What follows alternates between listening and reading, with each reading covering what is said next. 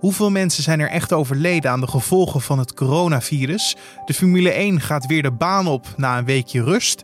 En dit weekend of begin volgende week maakt de democratische presidentskandidaat Joe Biden bekend wie zijn vicepresidentskandidaat en running mate gaat worden. Wat voorheen een symbolische functie was, kan nu zeer bepalend zijn voor de toekomst van de Verenigde Staten.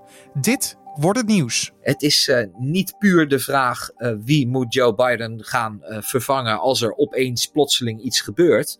Maar ook een beetje wie wordt straks de gedoodverfde opvolger van Biden. Dat was buitenlandredacteur Matthijs Lelou. Samen met hem gaan we straks praten over wie Joe Biden mogelijk kan gaan kiezen voor deze functie. En waarom de leeftijd van Biden heel belangrijk is. Maar eerst kijken we kort naar het belangrijkste nieuws van nu. Mijn naam is Carne van der Brink. Ik wil je voordat we helemaal van start gaan nog even attenderen op het feit dat we vanmiddag natuurlijk de openbare redactievergadering hebben. De Week van Nu podcast. Heb je daar nog vragen voor? Iets wat je opgevallen bent deze week bij nu.nl? Of heb je vragen voor ons over de podcast? Of heb je suggesties, iets wat we beter of anders kunnen doen? Laat het vooral weten in een mailtje en stuur die dan door naar podcast.nu.nl. Podcast.nu.nl nu.nl. Tot zover de huishoudelijke mededeling. Laten we beginnen. Het is vandaag vrijdag 31 juli.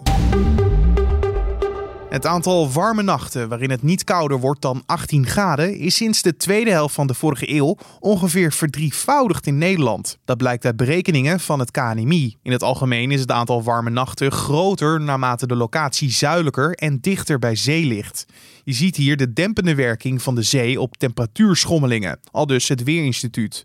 Ook het aantal tropische nachten, waarin het niet kouder wordt dan 20 graden, is toegenomen. Zo kwam een dergelijke warme nacht deze eeuw drie keer voor in Vlissingen, terwijl dat in de tweede helft van de vorige eeuw één keer voorkwam. Samir A., een voormalig lid van de Hofstadgroep, is eind juni in Rotterdam gearresteerd vanwege de financiering van terrorisme. Dat meldt NRC. A wordt ervan verdacht geld te hebben gestuurd naar vrouwelijke jihadisten, zodat ze konden ontsnappen uit gevangeniskampen in Syrië, zo meldt de krant. Uit onderzoek van het OM zou blijken dat A geld aannam van familieleden en bekenden van vrouwelijke Syriëgangers. Dit geld zou A vervolgens via tussenpersonen naar de vrouwen hebben gestuurd. In een reactie zegt A's advocaat dat er geen sprake is van terrorismefinanciering, maar dat het ging om hulpverlening. Bij een explosie in een appartement van een flat aan de Hogeweg in Vlissingen is donderdagavond een persoon om het leven gekomen. Vijf anderen raakten bij de brand gewond. De overleden persoon is de bewoner van de flat waar de explosie heeft plaatsgevonden en een van de gewonden moest overgebracht worden naar het ziekenhuis. Na de explosie ontstond een zeer grote brand in het appartementencomplex. De hulpdiensten moesten met veel materieel uitrukken en de oorzaak van de explosie is nog onbekend. De staatsschuld is sinds februari tot eind vorige maand met 61 miljard euro toegenomen tot een totaalbedrag van 385 miljard euro. In de eerste twee maanden van het jaar nam de schuld nog af, maar de coronacrisis zorgde voor een sterke toename, zo meldt het Centraal Bureau voor de Statistiek. De laatste keer dat de schuld in zo'n korte tijd zo snel toenam was eind 2008. Net als nu als gevolg van noodmaatregelen, al dus het CBS. De financiële positie van de Rijksoverheid is de afgelopen maanden snel verslechterd. De overheid kreeg veel minder geld binnen in de eerste helft van het jaar, 13 miljard euro minder vergeleken met dezelfde periode vorig jaar. De uitgaven waren in de periode tot en met juni juist flink hoger. Dan gaan we het hebben over wat het nieuws gaat worden één deze dagen. Wie zal Joe Biden, de democratische presidentskandidaat, uitroepen tot zijn wederhelft in de campagne en beoogd vicepresident? Sinds het bekend is dat Joe Biden het zal opnemen tegen de huidige president van Amerika, Donald Trump, is het de vraag wanneer maakt Biden deze beslissing bekend?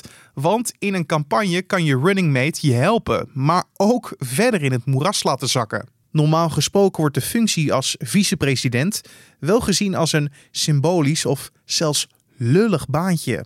Waarom zit er dan zoveel druk achter wie deze rol gaat vervullen voor de Democraten? Ik vroeg het aan buitenlandredacteur Matthijs Lelou. Ja, wat je zegt, uh, het is niet het uh, meest prestigieuze baantje in de Amerikaanse regering. Uh, er is zelfs een satirische comedyserie over gemaakt, Wiep, die benadrukt dat de vicepresident meestal een beetje op een zijspoor staat. Anno 2020 ander verhaal. Want wat is, het, het, wat is er aan de hand? Joe Biden die is 77 jaar oud. Die wordt in november 78. Dus als Joe Biden de verkiezingen wint, dan is hij straks uh, een 78 op het moment dat hij ingehuldigd wordt. En 82 aan het einde van zijn eerste regeringstermijn. Nou, uh, de kans dat een 82-jarige voor een uh, tweede termijn gaat, die is uh, heel klein te noemen. Dus dat betekent dat zijn vicepresident op dat moment in een uitstekende positie verkeert om naar voren te stappen als de nieuwe leider van de Democratische Partij. De zittende president die heeft uh, vaak een, een voordeel uh, als hij zijn herverkiezing veilig wil stellen hè, ten opzichte van uitdagers. En iets daarvan kan dan worden overgedragen op die vicepresident. Dus het is uh, niet puur de vraag uh, wie moet Joe Biden gaan uh, vervangen als er opeens plotseling iets gebeurt. Maar ook een beetje wie wordt straks de gedoodverfde opvolger van Biden. Ja, daarom lijkt me de selectieprocedure ook vrij strikt. Want het is nogal een positie die je moet vullen. en het hangt natuurlijk ook heel erg samen met de boodschap die Joe Biden als democratische presidentskandidaat wil uitdragen. Welk beeld hebben we daarvan op dit moment? Nou, laten we beginnen door te zeggen dat Biden inderdaad niet over één nacht ijs is gegaan. Uh, na zijn overwinning uh, in de voorverkiezingen deze lente was het meteen al de vraag wie gaat hij als zijn running mate kiezen. Toen zei hij alleen ik zal voor een vrouw kiezen. daarna heeft hij een commissie samengesteld binnen zijn campagne die de doopzelen van alle mogelijke kandidaten moest gaan lichten. Ze zijn uitgebreid bevraagd en nou ja goed, het is een lang proces geweest. En dan moest iemand uitrollen, zei Biden. het belangrijkste voor hem is dat die persoon sympathico is. Het was het woord wat hij gebruikte met zijn denkbeelden. Uh, het moet iemand zijn die politiek op dezelfde golflengte zit, met wie hij kan lezen en schrijven. Dat is voor Biden heel belangrijk. Nou, wat, waar kijkt hij nou nog meer naar? Joe Biden is een politicus die het heel erg van zijn persoonlijke relaties moet hebben. Daar is hij ontzettend goed in. er zijn meerdere verhalen die eronder doen van mensen die Biden bij een bijeenkomst tegenkwamen en misschien nadien nog een biertje met hem gingen drinken. Die liepen hem twintig jaar later weer tegen het lijf. En Biden die kon zo zeggen van nou, ik heb jou daar en daar ontmoet toen en toen. Dus dat is echt zijn talent. Dat is een tegenstelling op president Trump, die weer heel erg goed is als hij een stadion vol mensen aanspreekt. Dat is echt zijn kracht. Maar Biden, persoonlijke relaties. Dus uh, vele commentatoren zeggen dat uh, kandidaten voor het vicepresidentschap die ook hè, een persoonlijke relatie met Biden hebben, dat die een streepje voor hebben. Maar dan de belangrijkste vraag, Matthijs. Zijn er al favorieten? Ja, de allergrootste favoriet op dit moment is Kamala Harris. Dat is uh, de oude rivale van Biden. Die uh, probeerde ook president te worden.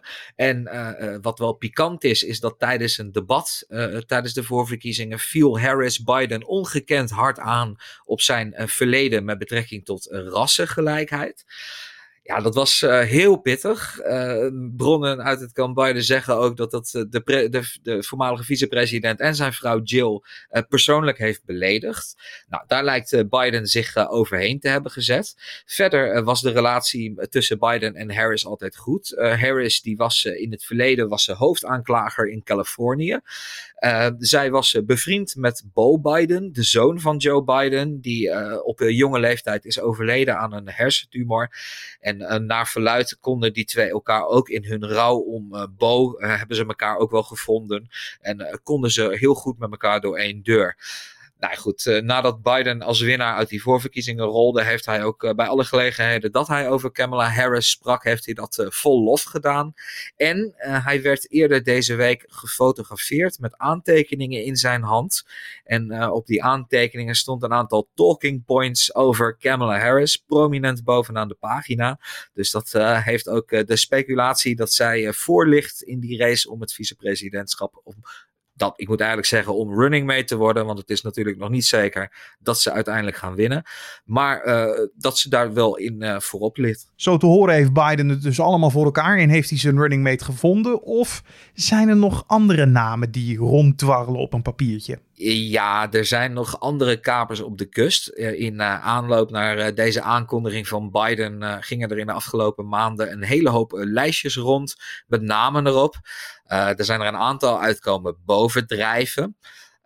Elizabeth Warren, ook een gewezen presidentskandidaat die het tegen Biden opnam. Die staat ook op de lijst. Ja, en zij heeft het ook lang volgehouden om presidentskandidaat te worden voor de Democraten. Ja, heeft het lang volgehouden. Nou, die, heeft, als, die is senator, net zoals Kamala Harris trouwens. Dus die heeft veel politieke ervaring. Um, en uh, die heeft uh, toch wel een, een, een heel uh, links-progressieve standpunten, heeft Warren. En je ziet dat Biden, die, die geldt als gematigd, die is toch in de afgelopen maanden op heel veel punten aardig wat opgeschoven naar links. Ook hè, onder druk van het feit dat Bernie Sanders en andere vrij linkse kandidaten het heel goed deed tegen Biden in de campagne. Dus Elizabeth Warren wordt genoemd. Verder Keisha Lance Bottoms, dat is de burgemeester van Atlanta in de staat Georgia. Die zich in de afgelopen maanden heeft onderscheiden tijdens de Black Lives Matter protesten. Uh, en dan is er ook nog Susan Rice, een oud veiligheidsadviseur van uh, president Barack Obama, de oude baas van uh, Joe Biden. Die heeft een, ook een hele lang, lange geschiedenis in die hoek van de Amerikaanse regering. Dus dat is ook een, een bekende naam die veel wordt genoemd. Maar als je alle kandidaten dus naast elkaar zou leggen, dan blijft Kamala Harris nog steeds de favoriet, toch? Het, het lijkt er wel op, maar dat is niet altijd even voorspellend. En de campagnemanager van Biden, uh, die zwakte de speculaties ook al wel een beetje af. Hij zei van nou, dat Biden is gefotografeerd met talking points over Kamala Harris. Dat wil nog niet per se zeggen dat zij het ook wordt. Maar als je naar de bookmaker gaat en je wilt geld inzetten op de uitkomst van deze race, dan heeft Kamala Harris daar toch wel de beste papieren. Maar wie het ook wordt, er zal dus altijd gekeken worden naar ja, een soort klaarstomingscursus voor het presidentschap voor de vicepresident. Omdat, ja, uh, zoals je zei, Joe Biden nogal oud is als hij die vier jaar heeft volbracht. Uh, denk je dat dan ook de vicepresident meer op de voorgrond te vinden zal zijn en dus een duidelijkere stem zal hebben? Dat is uh, natuurlijk nog even afwachten, maar uh, dat lijkt wel waarschijnlijk. Um, nu is het natuurlijk ook niet altijd zo dat uh, vicepresidenten er een beetje bij bungelen. En Joe Biden is daar zelf een goed voorbeeld van. Uh, die was natuurlijk vicepresident twee termijnen lang onder Barack Obama. En uh, Obama en Biden die leken wel een, een, efficiënt partnerschap te hebben. Waarbij toch ook wel grif gebruik werd gemaakt van Bidens vaardigheden. Bijvoorbeeld op het gebied van buitenlandbeleid, wat echt zijn expertise is. En, en Biden, die was ook als vicepresident wel vrij prominent aanwezig in de regering van Obama. Nou, de verwachting is dat de vicepresident van een eventuele president Biden toch ook wel redelijk in de kijker gespeeld zal worden. maar eerst moeten we natuurlijk weten wie Joe Biden kiest als zijn running mate. Daar moeten we nog even op wachten. We horen het misschien dit weekend of begin volgende week. We wachten met smart af. maar dan gaan ze natuurlijk keihard campagne voeren daarna. Zitten ze al in de hoogste versnelling of in ieder geval daar in de buurt? Het begint allemaal op stoom te komen. Dat is uh, vooral goed te zien aan uh, de advertentieuitgaven van de campagnes. Er gaan uh, sinds enkele weken tientallen miljoenen over de toonbank om tv-spotjes te kopen in de swing states vooral. er zijn minder dan 100 dagen te gaan. 100 dagen geldt vaak wel een beetje als een mijlpaal. Dus we zitten inderdaad in de laatste ruk. Nou, wat gebeurt er nou straks als we weten wie Bidens running mate wordt? Dan krijg je eerst krijg je de uh, partijconventies van de twee partijen. De Democraten die doen dat medio augustus en de Republikeinen aan het einde van de maand. En traditioneel is dat echt het moment waarop de laatste sprint wordt ingezet. Waar uh, de kandidaten hun eigen achterban proberen op te zwepen, proberen te mobiliseren voor uh, dat laatste stukje naar november toe. Dat was buitenlandredacteur Matthijs Lelou. En zoals we al bespraken, ja, de campagne die komt steeds meer op stoom. En ja, dat gaat alleen maar meer worden. Maar wil je nou weten wie er op dit moment de beste papieren heeft voor de verkiezingen van november? Dat heeft Matthijs uitgezocht voor je in een uitgebreid Nu Weekend stuk. Die kan je vinden op de voorpagina van nu.nl. Vandaag, eind van de middag en dit weekend. En dan kijken we nog even wat er verder op de agenda voor vandaag staat. Het Centraal Bureau voor de Statistiek komt met cijfers over de doodsoorzaken van alle mensen die in Nederland in de periode maart en april zijn overleden. Daarmee komt er waarschijnlijk nog meer duidelijkheid over hoe dodelijk het coronavirus al in Nederland is geweest. Eerder deze week bleek al uit CBS-cijfers dat het aantal mensen dat in de eerste elf weken van de corona-epidemie is overleden aan de gevolgen van het virus waarschijnlijk 50 tot 100 procent hoger ligt dan het RIVM heeft geregistreerd. Het RIVM neemt alleen mensen die positief zijn getest op het virus mee in de statistieken. Daardoor wordt de totale impact van het coronavirus onderschat, zo stelt het CBS. En de Formule 1 gaat sinds de terugkeer na de coronacrisis in een hoog tempo door Europa. Na een spaarzaam weekend rust is de koningsklasse neergestreken in het Engelse Silverstone voor twee races op rij. Dit weekend is dat de normale Britse Grand Prix, maar volgend weekend staat een tweede race op hetzelfde circuit in het teken van 70 jaar Formule 1. De eerste vrije training begint vandaag om 12 uur Nederlandse tijd. En dan het weer. Het wordt een zonnige en tropisch warme dag. Bij een zwakke tot matige zuidoostenwind wordt het 25 graden in het noordoostelijke kustgebied tot lokaal 35 graden in het uiterste zuiden van het land. In de avond trekt wat meer bewolking over Zeeland, dat zich in de nacht geleidelijk wat over de rest van het land uitbreidt. Het RIVM heeft verder een waarschuwing uitgegeven voor smok in het zuiden en midden van het land. Vooral in de namiddag en vroege avond kan smok ontstaan, waardoor mensen die hier gevoelig voor zijn klachten kunnen ervaren. En dan zijn we terechtgekomen in de slotminuten van deze podcast voor de vrijdag 31 juli.